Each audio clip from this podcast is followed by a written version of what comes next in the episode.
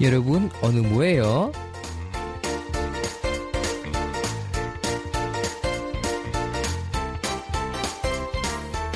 Lagi ngapain nih? Mending kita berbagi cerita di Kepo dengan DJ Lodi Buat yang terakhir kalinya nih Ah, campur aduk ya rasanya antara sedih dan seneng nih Sedih karena setelah 6 bulan menghost program Kepo ini aku harus berpisah nih sama teman-teman sekalian.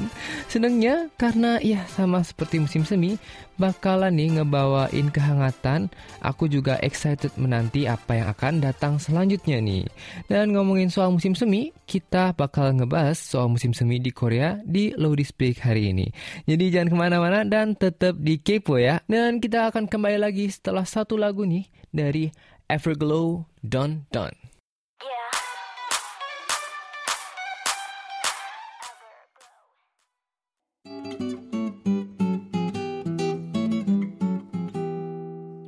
Buat teman-teman yang tinggal di Indonesia nih, mungkin bulan Februari, Maret atau April itu nggak terlalu signifikan ya dibandingkan dengan bulan-bulan lainnya.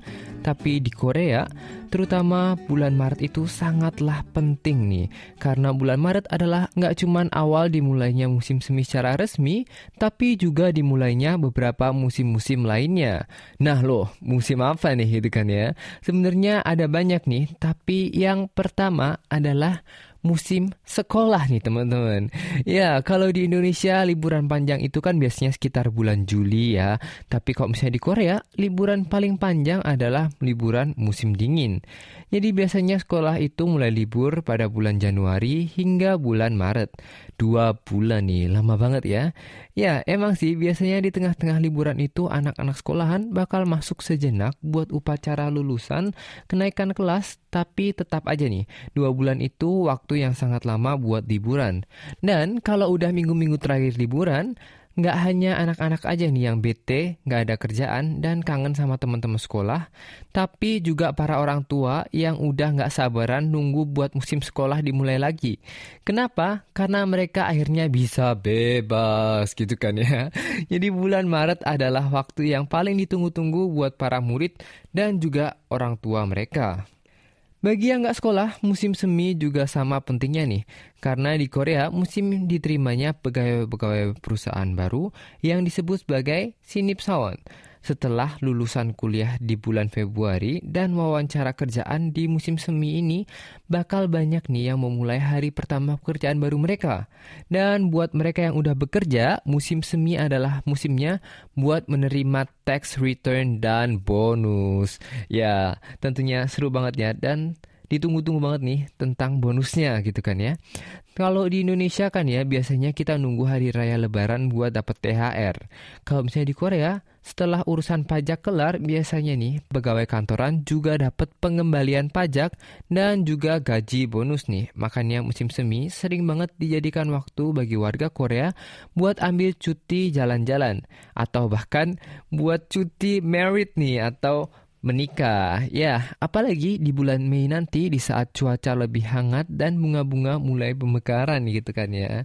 Ya, makanya musim semi itu juga dikenal sebagai musimnya pergantian tren di Korea. Setelah berdingin-dingin selama 3-4 bulanan dan harus pakai baju yang tebal, musim semi itu jadi waktunya bagi warga Korea buat mengekspresikan style mereka melewati pakaian, hairstyle, makeup, dan juga aksesoris baru nih. Apalagi buat komunitas fashion dan beauty. Musim semi itu adalah musim yang paling penting di dunia mereka. Dan buat yang kerja di dunia entertainment dan culture, musim semi adalah musimnya bergantian berbagai program nih teman-teman. Kalau ngikutin gaya Amerika nih, ini adalah season baru di dunia broadcasting. Ada program yang stay, ada juga yang digantikan dengan program baru, termasuk kita juga nih di KBS. Makanya jangan sedih ya, walaupun ini episode Kepo terakhir, di musim semi nanti pasti KBS bakal menghadirkan program lainnya yang lebih menarik nih. Ya, sekian Luri Speak hari ini, arti musim semi di Korea. Semoga di musim semi ini banyak banget hal-hal indah yang baru yang hadir dalam kehidupan kita. Amin. Ya, dan untuk menyambut musim yang baru kita mau mendengarkan lagu juga yang pas banget nih buat menyambut musim semi yaitu adalah lagu dari BTS yang berjudul Pomnar atau Spring Day.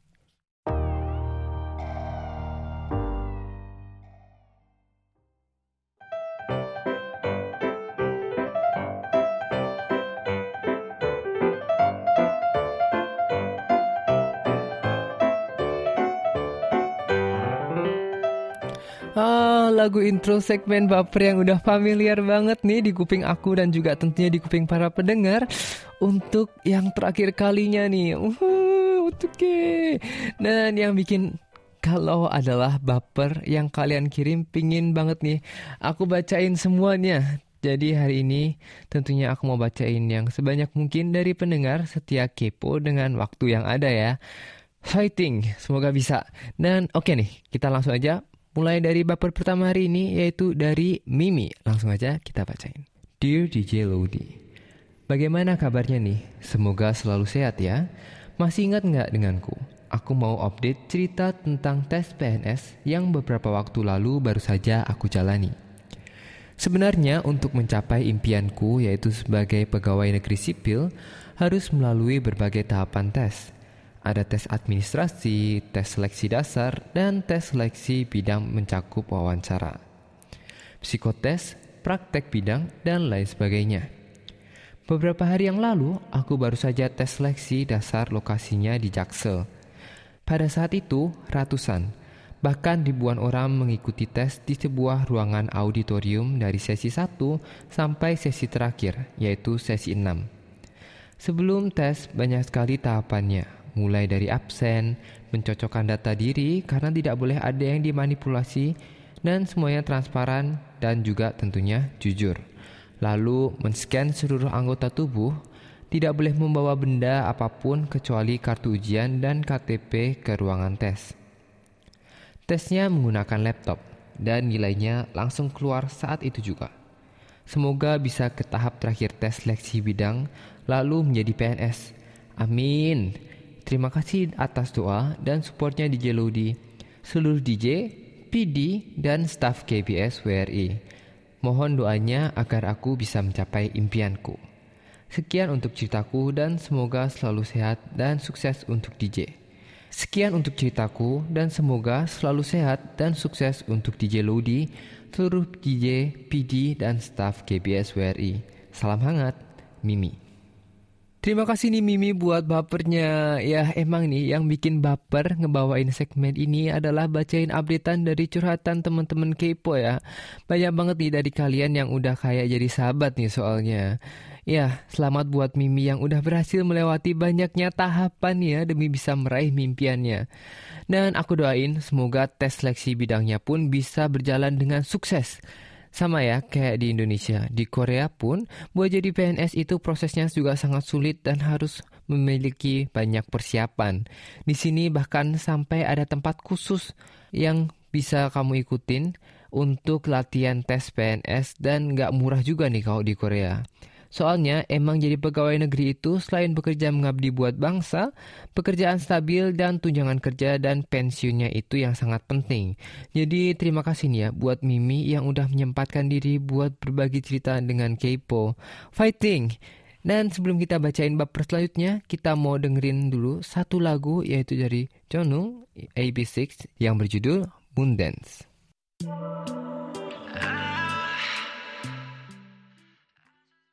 Dan mari kita lanjut nih ke baper selanjutnya nih. Ada kiriman dari Melia yang katanya baru pertama kali ini kirim baper ke Kepo nih. Wah, ke mana aja selama ini gitu kan ya? Oke, kita langsung baca bacain langsung cerita dari Melia. Hai DJ Lodi, aku Melia. Kemarin baru saja lihat postingan di Instagram yang katanya segmen Kepo udah mau berakhir ya. Hmm, sedih banget nih baru pertama kali partisipasi tapi pas udah mau berakhir. Huhu, semenjak kerja aku sibuk banget. Aku mau cerita nih DJ. Sekarang kan banyak banget nih ya aplikasi untuk cari temen atau cari jodoh gitu DJ. Ya, dari masa kuliah aku emang sering cari-cari temen lewat aplikasi terutama teman Korea. Tapi keseringan dapet yang aneh dan pervert. Nah, udah tiga bulan belakangan ini baru kenalan sama cowok gitu. Menurut aku sih dia baik. Setiap hari aku chatan sama dia sampai aku kehabisan bahan pembicaraan. Kebetulan aku kerja di perusahaan Korea. Aku suka tanya-tanya ke dia soal kosakata ataupun apa pun itu soal Korea yang aku nggak ngerti. Dia juga menyemangatin aku kalau lagi sedih atau capek karena pekerjaan dan nawarin untuk cerita apa pun ke dia kalau misalnya ada apa-apa. Lama-kelamaan aku jadi nyaman JJ. Kan kayaknya aku suka sama dia. Haha, tapi ya ngerasa aneh juga sih. Sama diriku sendiri. Kan aku belum pernah ketemu, tapi bisa suka. Waktu malam tahun baru kemarin, aku sudah bilang suka ke dia DJ. Tapi dia cuma bilang makasih. Mungkin dia cuma nganggap aku sebagai adik atau teman. Makanya aku juga bisa ngerasa gak mungkin dia suka sama aku. Semenjak dia tahu kalau aku suka sama dia, aku kira dia bakal berubah dan jadi canggung. Ternyata gak sama sekali. Malah akhir-akhir ini dia jadi lebih sering muji-muji aku. Padahal sebelumnya gak pernah. Dan sampai sekarang pun juga tetap masih ngobrol sama dia. Menurut DJ gimana nih? Apa aku yang terlalu baper ya? Ya, DJ Lodi kunggang kuk 잘 챙기고 수고했어요. Terima kasih nih Melia, gonggangkuk jajengike, komao. Hmm, emang nih kalau di masa-masa PDKT itu ya, hal yang paling penting buat antisipasi agar tidak sakit hati adalah tidak berharap banyak nih. ya, tapi bukan berarti kamu nggak boleh seneng setiap kali dapat pujian dari dia, ya kan? Nah, kayak yang barusan kita bahas nih di Lodi Speak minggu lalu ya. Bagi kaum muda Korea, sekarang ini banyak banget nih pertimbangannya sebelum seorang mutusin buat pacaran nih. Jadi bisa jadi cowok itu juga suka sama kamu, tapi masih belum mantap atau uh, belum yakin nih buat berkomitmen atau sekedar enjoy persahabatan yang dia punya sama kamu sekarang ini, Melia. Nah, seperti apa pun dia menganggap kamu seperti adik atau teman atau sebagai cewek yang dia suka, yang penting sekarang ini bagi Melia, cowok ini hadir sebagai sosok yang membawa semangat di hari-hari kamu nih, saat kamu lelah bekerja dan dengerin cerita-cerita kamu. Untuk ke depannya, kayaknya waktu yang bakal jawab nih kayaknya, ya kan? Waktu adalah jawabannya. Dan cowok itu udah tahu kan Ken, perasaan suka kamu. Jadi intinya daripada menebak-nebak, terus salah dan sedih, gimana kalau untuk saat ini Melia enjoy aja koneksi kalian berdua yang kalian punya sekarang. Careba Melia, fighting!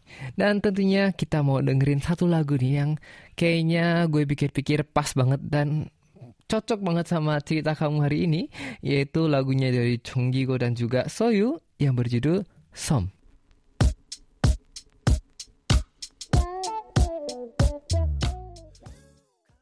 Kiriman selanjutnya dan yang terakhir ini nih ada dari Rina teman-teman yang selama ini nggak hanya setia dengerin KBS tapi juga setia kirimin curhatannya buat Kepo ya dan langsung aja nih kita dengerin ceritanya. Halo DJ Ludi, kira-kira sudah satu bulan aku tidak kirim baper di tahun 2020 ini. Apa kabar DJ Ludi hari ini? Aku lihat dari beberapa instastory teman di Korea, saat ini salju sedang turun dengan lebat. Jaga kesehatan terus ya DJ. Satu bulan yang terlewat tidak membuatku lupa untuk terus mendengarkan kepo tiap minggunya. Entah kenapa mendengarkan kepo menjadi rutinitas wajib. Ya, walaupun gak ikut berpartisipasi, tapi aku seneng nih waktu dengerin DJ Lodi membahas topik-topik yang hangat yang ada di Korea. Beberapa lokasi di Korea dan makanan wajib saat perayaan tertentu. Dan yang paling penting aku seneng banget nih dengerin Dear Diary-nya DJ Lodi. Entah kenapa hal itu jadi motivasi tersendiri buatku. Apalagi di penutupan diary. Onuto sugeseo, hari ini pun bagus kerjamu. Rasanya kata-kata itu jadi vitamin wajib untuk menjalani hari esok lebih baik daripada hari ini. Kesannya selama segmen kepo bareng DJ Lodi luar biasa banget nih. DJ Lodi rasanya seperti teman rahasia yang bisa diajak curhat dan memberi saran sebagai balasannya. Waktu bersama DJ Lodi melalui siaran radio ini nggak akan tergantikan. Dan aku masih berharap banget bisa dengerin DJ Lodi siaran. Masih ingat waktu itu aku curhat tentang deadline skripsi dan wisudaku tahun lalu yang penuh usaha keras. Waktu curhat dan dibacain sama DJ Lodi, aku ucapkan terima kasih karena sudah memotivasi aku dalam menjalani hari-hari selanjutnya. Harapannya untuk segmen baru bulan Maret tetap bareng DJ Lodi dan ada kolaborasi dengan DJ idol lain. Amin. Dan terakhir, hari ini pun kamu sudah berusaha keras. Terima kasih. PS, bulan Maret aku ulang tahun. Hehe. Uh, aku terharu banget nih bacain baper kamu hari ini. Terima kasih banget banget ya buat Rina yang selama ini sudah setia mendukung Kepo. Sebenarnya segmen baper dan LDR ini kita nggak berharap banyak nih selain bisa menemani dan menghibur pendengar KBS semuanya. Dan sebagai host Kepo yang paling aku nantikan adalah bacain update dari kalian semua nih. Mudah-mudahan kita tetap bisa ketemu di program KBS lainnya ya. Onuto Sugese Rina. mau terima kasih banyak banget udah setia dengerin Kepo sampai hari ini. Dan buat baper yang sudah terpilih hari ini, selamat banget dan jangan lupa buat kirimin konfirmasi alamat pengiriman hadiah kalian ke indonesia@kps.co.kr. Dan biasanya abis ini aku mau kasih tahu ini gimana caranya buat kirim baper, tapi ya hari ini tenang aja kok. Di program lainnya pasti KBS juga tetap bagi-bagi hadiah nih ya. Ditunggu ya pengumumannya. Dan untuk sekarang ini kita mau dengerin lagu dulu nih yang pas banget buat mood kita sekarang ini yaitu Akedong Musician atau Akmu yang berjudul How Can I Love the Heartbreak You're the One I Love. 어떻게 이별까지 사랑하겠어? 널 사랑하는 거지.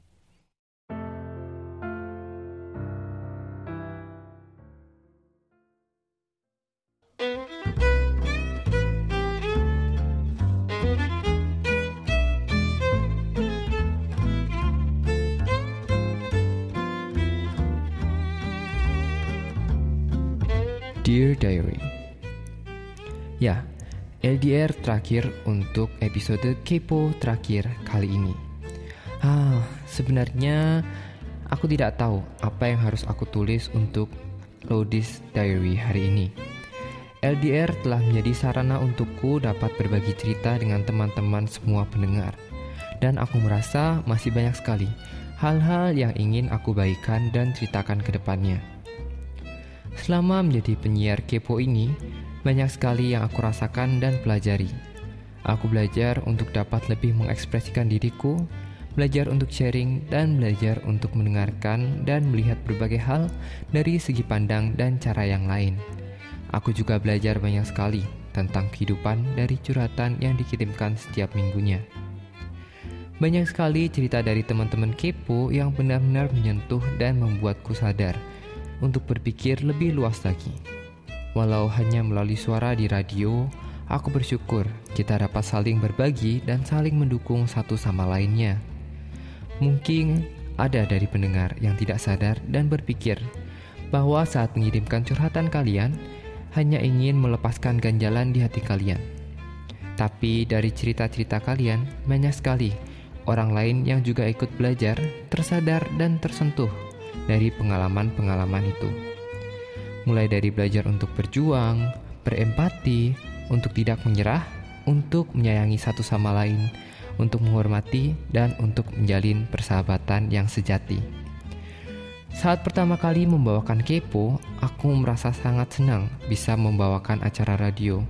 Tapi sekarang rasanya program ini sudah menjadi sebuah komunitas dan sudah menjadi sebuah keluarga kecil bagi kita semua di mana kita bisa saling terbuka dan bercerita tentang banyak hal, menjadi sebuah perbincangan yang menghangatkan hati di saat akhir minggu. Aku benar-benar terima kasih sekali bagi para pendengar yang selama ini setia mendengarkan Kepo, walaupun aku sebagai DJ masih banyak sekali yang harus aku pelajari. Terima kasih untuk tim Kepo, penulis, dan terutama PDNIM yang sudah mengayom dan memberikan aku kesempatan untuk mendapatkan pengalaman yang sangat berharga dan tidak terlupakan ini. Aku berharap kita dapat bertemu lagi di kesempatan-kesempatan berikutnya. Onuto koseng maraso.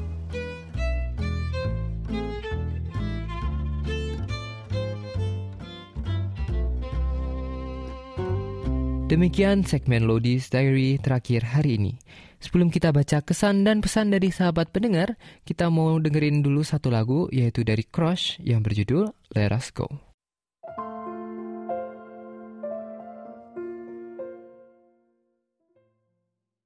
Langsung aja nih kita mau bacain dari kesan-kesannya para pendengar kita di komen ya kan yaitu ada dari QB Nagibi yang setia banget nih komenin setiap minggunya ya kan ya sedih banget nih segmen kepo udah nggak ada lagi. Tapi walaupun kepo sudah berakhir, tapi aku tetap dukung KBS kok. Tenang aja dan selalu kirimin curhatan aku. Aku jadi kepo nih, apa nih segmen terbaru untuk pengganti segmen kepo? Ya, Kivna Gripi sayang banget ya udah uh, menjadi segmen kepo terakhir hari ini. Tapi tentunya uh, eh, KBS akan selalu menghadirkan segmen-segmen baru gitu kan ya buat menemani malam minggu kalian semua. Dan jadi tentunya terus dengerin KBS dan semoga bisa uh, terhibur nih hari-harinya dengan mendengarkan siaran-siaran di KBS. Ada juga dari Nur Hidayah Tanjung 26 semangat untuk program barunya. Terima kasih semangat nih ya buat KBS buat program barunya nanti. Dan juga ada dari Okta Wiranti segmen baru apa nih kira-kira? Wah, pada penasaran gitu kan ya, udah pada nggak sabar sama segmen-segmen baru yang bakal ada di musim semi nanti di KBS. Jadi jangan lupa buat terus dengerin ya kan, buat updateannya apa nih, apa yang uh, baru di KBS nantinya. Dan ada juga dari Daily Gravity, sedih dan merasa kehilangan banget nih. Kepo ini lebih setia dari pacar buatku. ya, karena cuma Kepo yang setia nemenin aku di tiap malam minggunya. Aku sering ini mendengarkan ulang siaran Kepo saat sedang kerja di kantor memakai headset. Sampai kadang teman-teman aku di kantor bingung kenapa saya cekikikan sendiri. ya, terima kasih nih buat semua DJ yang pernah membawakan program Kepo dengan sangat baik. Juga semua tim Kepo yang selama ini telah bekerja keras. Dan seperti sebuah pertemuan yang berawal dengan kebaikan, maka akhirilah sebuah pertemuan dengan perpisahan yang memiliki kenangan yang indah. Semangat buat program barunya nanti di bulan Maret. Ya, terima kasih banyak banget nih buat Heli Gravity yang komennya hari ini sangat berkesan banget ya kan ya. Dan terima kasih nih, bener-bener uh, apa ya, menghangatkan hati aku dan tentunya menghangatkan hati para staff Kepo ya kan ya, para tim Kepo yang mendengar kalau kamu benar-benar enjoy banget nih dengerin siaran kita gitu kan ya. Sampai cekikan sendiri di kantor ya kan. Dan tentunya terima kasih banyak banget. Dan ditunggu ya buat acara dan segmen-segmen baru yang akan ada di KBS nantinya. Dan ada juga dari Agnesa yaitu terima kasih sudah menemani malam mingguku. Terima kasih sudah support kepada tim saya dan saya. Terima kasih selalu mendukung saya dan sering membaca curhatan saya dan selalu membuat saya bahagia di setiap minggunya. Semoga kita cepat bertemu. See you, love. Terima kasih nih buat Agnesa yang udah emang selalu setia banget buat dengerin Kepo dan setia buat kirimin curhatan dan cerita-ceritanya nih. Dan tentunya Terima kasih banyak banget buat terus uh, dengerin KBS dan semoga Agnesa juga semangat terus ya dan tentunya terus uh, support dan dukung KBS nih. Ada dari Cairu Nisa 0907 bakal sedih deh. Iya nih, aku juga udah sedih banget nih sekarang dengerin dan bacain komen-komen kalian. Dari Ibdis, Wah, waktu cepat berlalu ya. Padahal baru kirim sekali ke baper. Kak Laude memang pas banget bawa segmen baper sama Dear Diary. DJ tersyahdu di KBS World Radio. Aduh ini mau terima pujiannya tapi kayak gimana gitu kan ya. Soalnya masih banyak kurangnya tapi benar-benar dikasih dukungan dan dicintai oleh para pendengar. Benar-benar terima kasih banyak banget dan semoga uh, Iftis bisa terus dengerin siaran-siaran KBS selanjutnya ya. Ada dari Tias juga nih, Tias 967. Ya, padahal aku senang banget nih dengerin Dear Diary dari DJ Lodi dan kadang kirim baper sebagai bentuk semangat buat diriku juga. Rasanya kok cepet banget ya. Semoga segmen baru masih bareng DJ Lodi dan ada kolaborasi gitu. Sukses terus DJ dan semoga selalu bahagia. Iya nih, terima kasih banget ya buat Tias yang udah sering-sering juga kirim baper dan juga terus dengerin Kepo selama ini. Semoga Tias juga terus uh, semangat dan juga selalu bahagia ya. Dan ada dari Idol from Indonesia, apakah akan didebut kak? Mungkin bisa ditunggu nih ya kan updateannya dari aku juga nih. Terima kasih buat komennya semua hari ini dan semua pesan dan kesan kalian benar-benar kita hargain dan benar kita tampung semua di hati ini ya. Dan benar terima kasih banyak banget buat yang selama ini uh, komen entah di Instagram, di Facebook, di segala macam eh, sarana-sarana informasi yang kita punya gitu kan ya benar-benar selama ini bacain komen-komen tuh juga menjadi salah satu uh, kebahagiaan tersendiri buat aku. Terkesan banget nih sama kalian. Terima kasih banyak banget ya.